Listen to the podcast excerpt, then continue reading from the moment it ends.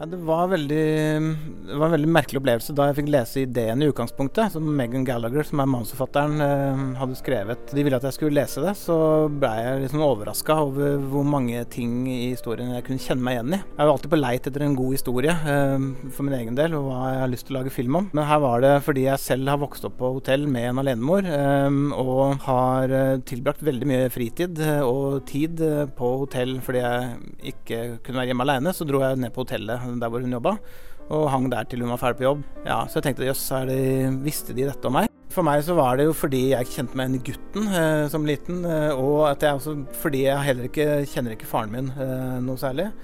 Eh, og jeg var litt sånn, hvis jeg møtte kule menn, eh, så, så, var jeg liksom fascinert av dem. Så for min egen del så var det en mann og en gutt, eh, og det, det var noe som trigga noe i meg. Hva vil folk få ut fra å se Grand Hotell? Jeg håper de får en uh, film som uh, både er underholdende og kan være litt varm og fin å ta med seg. Um, jeg, det er vanskelig for meg å liksom si hva folk skal oppleve av en film. Jeg bare, jeg er veldig, det er sånn det. Jeg er så glad i den selv, og jeg liker den historien. Og mye av det handler kun om magefølelse. Dette syns jeg er fint. og så får jeg håpe at andre kan få noe ut av det også. Hvordan er frokostbuffeen på Grand? Frokostbuffeen her er helt topp, den. Det er, um, det, man kan legge på seg godt her hvis man bor over lengre tid. Det er ikke tvil om det. jeg leste at Atle Antonsen gikk ned 11 kilo. Var det du som bestilte den? Uh? Jeg bestilte, ja, jeg bestilte slanking på Atle Antonsen. Nei da. Det var sånn at Atle har for det meste gjort mer komiske karakterer enn denne, som er litt mer reindyrka dramakarakter.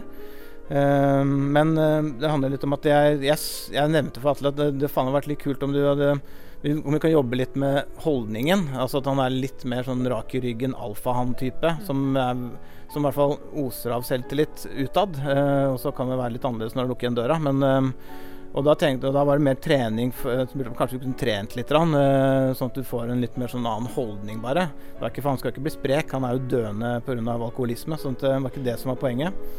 Men når først Atle var i gang med den treninga, så fikk vi ordna et sånt Olympiatoppen-opplegg. Så han uh, fikk jo et skreddersydd program som, uh, som, han gikk all in på. Uh, så han trente fem dager i uka i tre måneder og spiste sunt. og og da var konsekvensen av det, i tillegg til å da legge på seg mye muskler, så gikk han ned 11 kg totalt. Altså han gikk jo ned ganske mye.